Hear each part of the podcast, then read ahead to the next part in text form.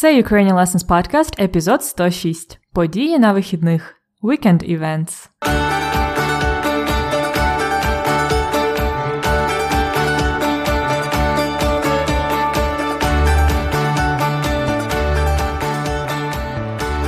Добрий день, добрий вечір чи доброго ранку. Це Анна, я ваша вчителька української, і ви слухаєте мій подкаст Уроки української. Сьогодні у нас епізод 106. Це третій сезон.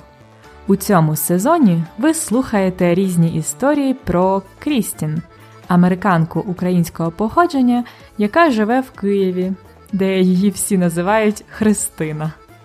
Мабуть, найкращою подругою Христини стала її співмешканка Леся. Кілька епізодів тому ми дізналися чудову новину про Лесю. Вона заручилася зі своїм хлопцем Орестом.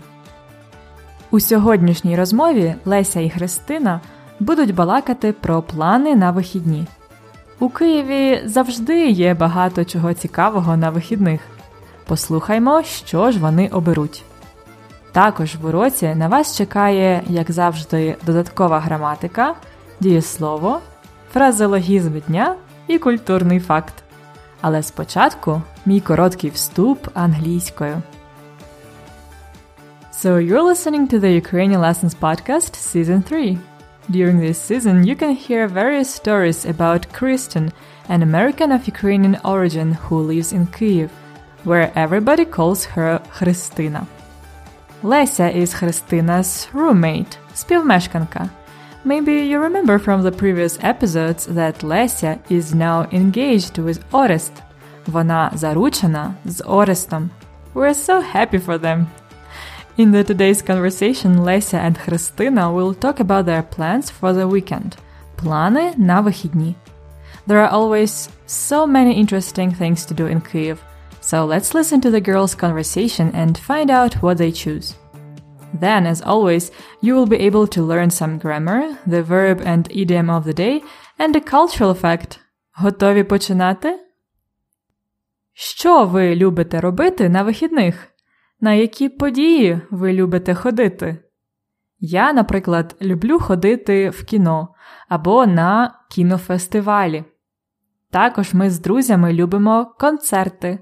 Це може бути сучасна музика, modern music, сучасна музика або класична музика, classic music, класична музика. Іноді ми з друзями ходимо в театр та на інші класичні розваги. Classic entertainment класичні розваги. Наприклад, це філармонія. Philharmonic. Філармонія. Інші класичні розваги це опера, балет. А які розваги вам подобаються? Послухайте, будь ласка, розмову про те, як Христина і Леся вибирають собі розваги на вихідні. Коли будете слухати, знайдіть відповідь на запитання. Які три варіанти пропонує Леся Христині на вихідних? What are three options? Три варіанти Леся offers to Христина for their weekend? Які три варіанти пропонує Леся Христині для вихідних? Слухайте і дізнайтеся. Христинко, привіт! Що робиш? Привіт! Та шукаю в інтернеті, куди можна піти на цих вихідних. У мене немає жодних планів, а вдома сидіти зовсім не хочеться. Угу, Я теж помітила, що останнім часом ти ніколи нікуди не ходиш. Треба це виправляти. Ти ж не назавжди в Україні. То як? Знайшла щось цікаве? м Та поки що ніщо не зацікавило. Я особливо не знаю, де найкраще шукати. А у тебе є плани на вихідні? Ну, поки я нікуди не планувала йти. Але ти маєш рацію, треба не лінуватися, бо насправді на вихідних завжди багато всього цікавого відбувається. Зараз зайду на Фейсбук гляну. Угу, Добре. Ну, дивись, в кінотеатрі жовтень зараз проходить фестиваль корейського кіно. Здається, я ніколи не дивилася корейське кіно, але з субтитрами українською це буде нелегко.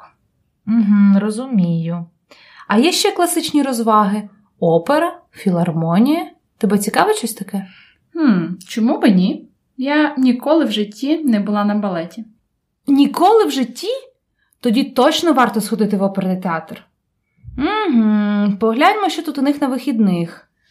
У п'ятницю Лебедине озеро, в суботу Кармен, але це не балет, це опера. В неділю Наталка Полтавка. О, може на Наталку Полтавку сходи? Це ж українська класика. Ммм, цікаво, я подумаю. Насправді, я не знаю нікого, хто може піти зі мною. Ну, на мене не розраховуй. Я ні за що в світі не піду в оперу. Мені там страшенно нудно. Хм, а що тобі було б не нудно? Ну, якась сучасна музика. Погляньмо, чи на цих вихідних щось є, якісь концерти цікаві. О, тут в одному барі будуть виступати мої знайомі. Я б хотіла їх побачити. До того це дуже класний бар. Він знаходиться на Подолі. Угу. А коли це буде? В суботу ввечері початок о 9 Можемо зустрітися раніше і повечеряти, наприклад, в японському ресторані неподалік. Що скажеш? О, звучить класно. Тоді домовились? І взагалі нічого сидіти вдома. Ходімо прогуляємось. Чому б ні? Тільки я ще нічого не їла. Я зроблю собі сендвіч і підемо. Зробити тобі? Давай. Тільки мені, будь ласка, не сендвіч, а бутерброд. Добре. То які три варіанти пропонує Леся Христині для вихідних? Перший варіант це кіно, фестиваль корейського кіно. Другий варіант це опера або балет. Леся пропонує оперу Наталка Полтавка, бо це українська класика. А який третій варіант? Це концерт у барі. Ось такі три варіанти: кіно, опера або концерт. А зараз я перекажу вам діалог детальніше. Отже, Христина не має жодних планів на вихідні. She hasn't got any plans. Жодних планів на вихідні. І вона шукає в інтернеті, куди б можна було б піти. Леся теж поки не планувала нікуди йти, але вона каже: Ти маєш рацію. You have a point. Ти маєш рацію. You are right. Ти маєш рацію. Треба не лінуватись. We shouldn't be lazy. Лінуватись to be lazy. Лінуватись. Тому вони починають шукати події в Києві разом. Леся зайшла на свій Фейсбук. She logged into her Facebook. Вона зайшла на Фейсбук і пропонує такі варіанти. По-перше, є кінофестиваль у кінотеатрі Жовтень. Але це корейське кіно, і Христині буде важко дивитися його з українськими субтитрами. With Ukrainian subtitles, not so easy. Субтитри. По-друге, є класичні розваги: опера, балет, філармонія. Христина ніколи в житті не була на балеті. She hasn't been to ballet never in her life, never in a lifetime. Ніколи в житті. In Ukraine we like to exaggerate never to never in my life. Ніколи в житті. Я ніколи в житті не була на балеті. Це правда. Насправді, Христина не знає нікого, хто може з нею піти в оперу. Алеся каже: На мене не розраховуй. Do not count on me. На мене не розраховуй. Це занадто нудно. Тому вона шукає якісь цікавіші концерти, якусь сучасну музику. Нарешті Леся знайшла ідеальний варіант це концерт у барі на Подолі, де будуть виступати її знайомі. Her acquaintances, знайомі her friends, will be performing, будуть виступати. Тому вони домовляються з Христиною зустрітися перед концертом і повечеряти в японському ресторані неподалік. Not far. Неподалік. На сам кінець дівчата вирішують, що варто піти погуляти прямо зараз. Але спочатку Христина хоче приготувати собі сендвіч, а Леся бутерброд. Ви знаєте вже, яка різниця між сендвічем і бутербродом? Бутерброд має лише один шматочок хліба. Він відкритий open, а сендвіч закритий closed, має два шматки хліба. Ось така різниця. В Україні ми зазвичай їмо саме бутерброди. А що вам більше подобається? Сендвіч чи бутерброд? Мені бутерброд, звичайно. Менше хліба це краще. Добре. А тепер повторіть, будь ласка, нові слова з сьогоднішньої розмови. Мати рацію. To be right, to have a point. Лінуватися. To be lazy. Субтитри. Subtitles. Опера. Балет. Філармонія. Ніколи в житті. Never ever. Розраховувати. To count. Do not count on me. На мене не розраховуй. Сучасна музика. Modern music. Неподалік. Not far. А тепер готові переслухати розмову? Слухайте ще раз. Христинка, привіт! Що робиш? Привіт! Та шукаю в інтернеті, куди можна піти на цих вихідних. У мене немає жодних планів, а вдома сидіти зовсім не хочеться. Угу, Я теж помітила, що останнім часом ти ніколи нікуди не ходиш. Треба це виправляти. Ти ж не назавжди в Україні. То як? Знайшла щось цікаве? м Та поки що ніщо не зацікавило. Я особливо не знаю, де найкраще шукати. А у тебе є плани на вихідні? Ну, поки я нікуди не планувала йти. Але ти маєш рацію, треба не лінуватися, бо насправді на вихідних завжди багато всього цікавого відбувається. Зараз зайду на Фейсбук гляну. Угу, Добре. Ну, дивись, в кінотеатрі жовтень зараз проходить фестиваль корейського кіно. Здається, я ніколи не дивилася корейське кіно, але з субтитрами українською це буде нелегко. Угу, Розумію. А є ще класичні розваги: опера, філармонія. Тебе цікавить щось таке? Хм, Чому би ні? Я ніколи в житті не була на балеті. Ніколи в житті? Тоді точно варто сходити в оперний театр. Угу, Погляньмо, що тут у них на вихідних. У п'ятницю Лебедине озеро, в суботу Кармен, але це не балет, це опера. В неділю Наталка Полтавка. О, може на Наталку Полтавку сходи? Це ж українська класика. Ммм, Цікаво, я подумаю.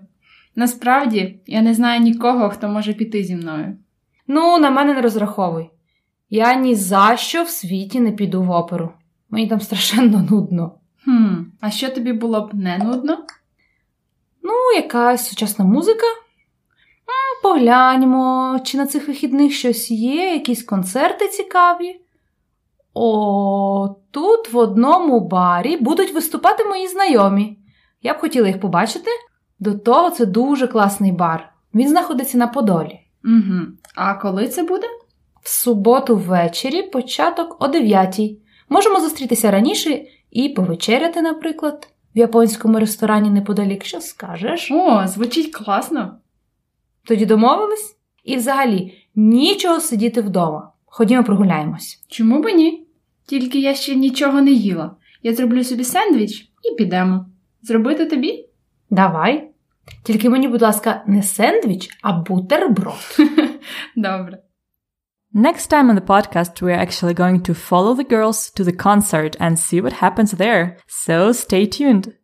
And now let's talk about one grammar concept that for speakers of some languages can be weird and not easy to master.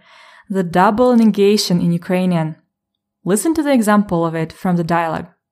Угу, Я теж помітила, що останнім часом ти ніколи нікуди не ходиш.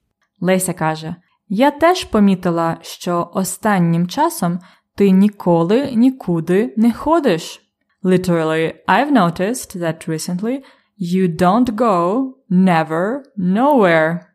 That's a triple negation actually. Ніколи, never, нікуди, nowhere as a destination, Не ходиш. Don't go. In proper English, that would be you never go anywhere. In Ukrainian ти ніколи нікуди не ходиш. In our language, it's normal to use multiple negative words with a no. Listen to more examples. То як? Знайшла щось цікаве? м Та поки що ніщо не зацікавило. То як знайшла щось цікаве? Та поки що ніщо не зацікавило. So far, nothing has interested me. Ніщо. Nothing. Та поки що ніщо не зацікавило. Another example with ніколи. Never. Здається, я ніколи не дивилася корейське кіно. Здається, я ніколи не дивилася корейське кіно. I don't think I ever watched a Korean movie. Здається, я ніколи не дивилася корейське кіно. What are other negative adverbs and pronouns?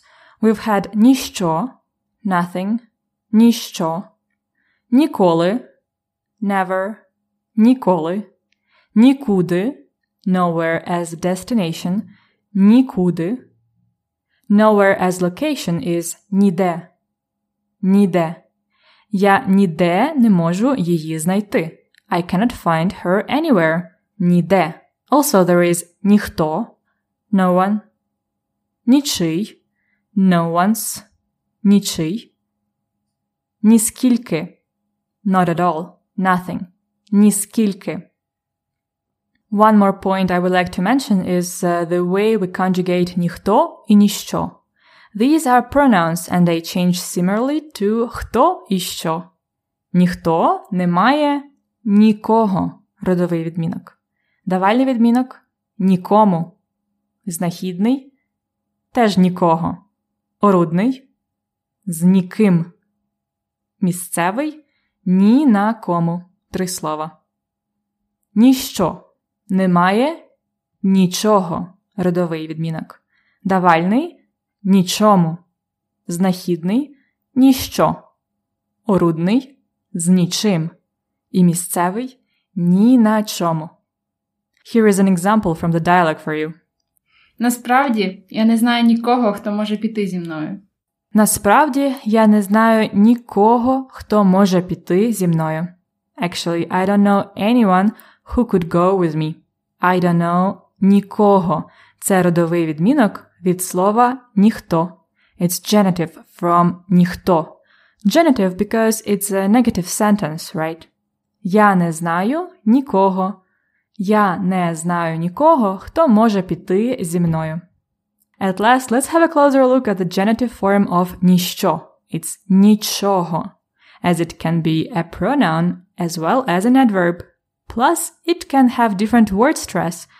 Yes, have a listen. І взагалі, нічого сидіти вдома. Ходімо прогуляємось. Чому б ні? Тільки я ще нічого не їла. І взагалі, нічого сидіти вдома. Ходімо прогуляємось.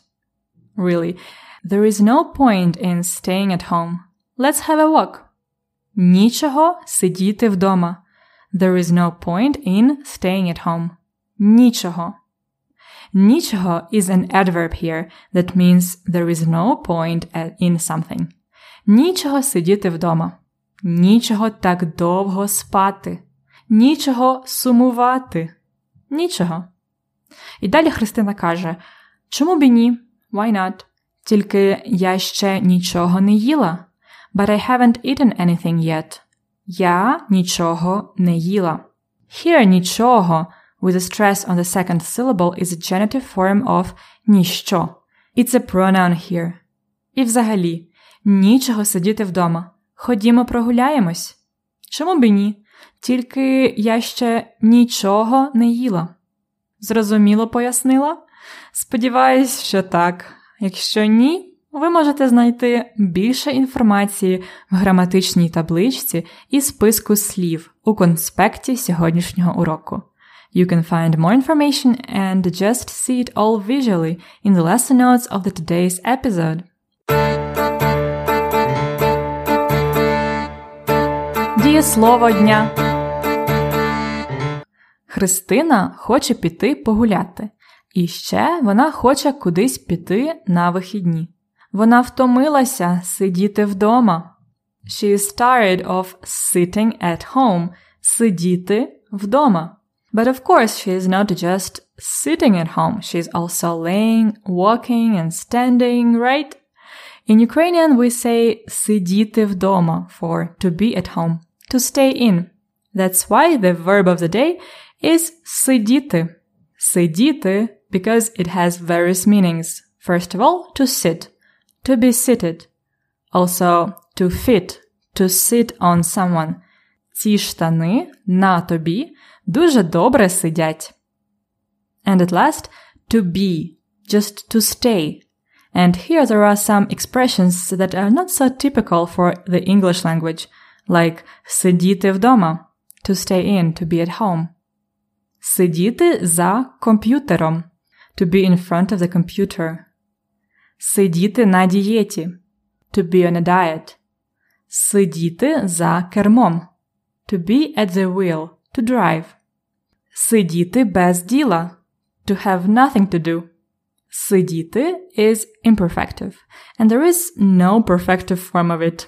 However, there is also сідати, imperfective, and сісти, perfective, that mean to sit down, to start, for example, to start a diet. So, Леся сидить на дієті. Вона сіла на дієту місяць тому. Леся is on a diet. She started her diet a month ago. Леся сидить на дієті. Вона сіла на дієту місяць тому. Сидіти in present has a change in the first person singular. Я сиджу. Джу. Я сиджу. Ти сидиш. No change here. Він сидить. Ми сидимо. Ви сидите. І вони сидять. Це друга дієвідміна, бо иш і ять. У минулому часі сидіти вона сиділа, він сидів, ми сиділи. Ми сиділи і говорили. We were sitting and talking. Again, in English, maybe you won't say it this way, but in Ukrainian, ми сиділи means we kind of uh, were together. We were spending time together.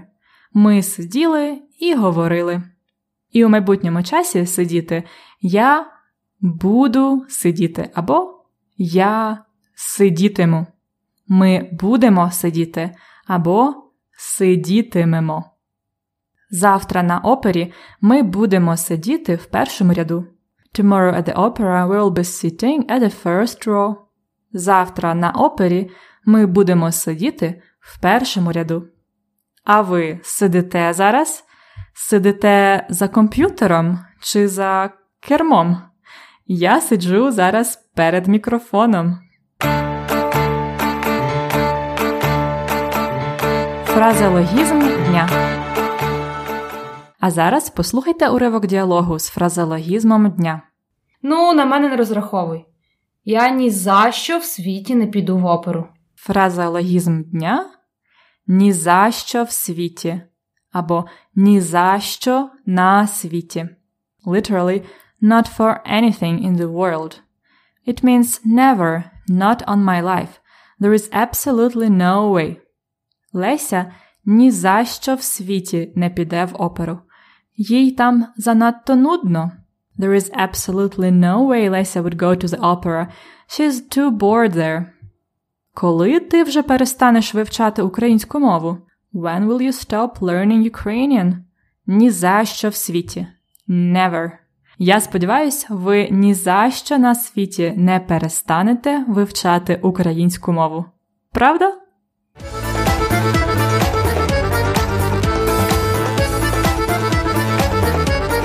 Культурний факт на подкасті. Let's talk about the opera scene in Ukraine. We have big opera houses in Kyiv, Lviv, Odessa, Kharkiv і Dnipro. The Odessa one is so beautiful it's worth visiting just for the building. In the programs of those operas, you can find many classic performances from Italian, German, French, and Russian composers. They are often in the original languages. But as a Ukrainian learner, you should check out the Ukrainian opera from a Ukrainian composer in Ukrainian. Here are some of the best ones. First of all, Natalka Poltavka, that was mentioned by Lesia. It's an operette about a love story between Natalka and Petro from the beginning of the 19th century.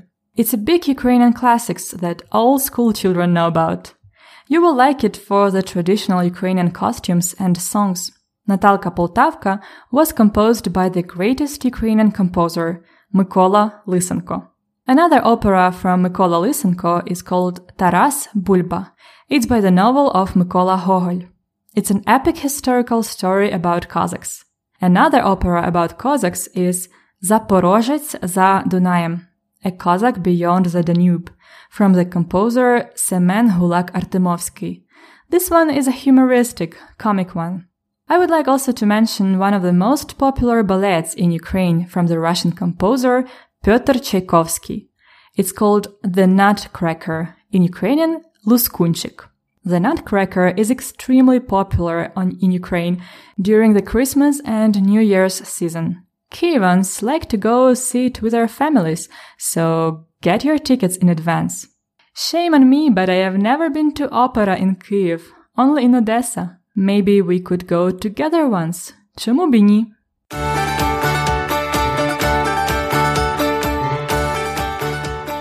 І це все на сьогодні. Наступного разу ви зможете послухати розмову Христини і Лесі на тій події, яку вони вибрали на концерті. А поки що ви можете зробити вправи і вивчити нові слова у конспекті сьогоднішнього уроку. Конспекти уроків The lesson notes are available for the premium members.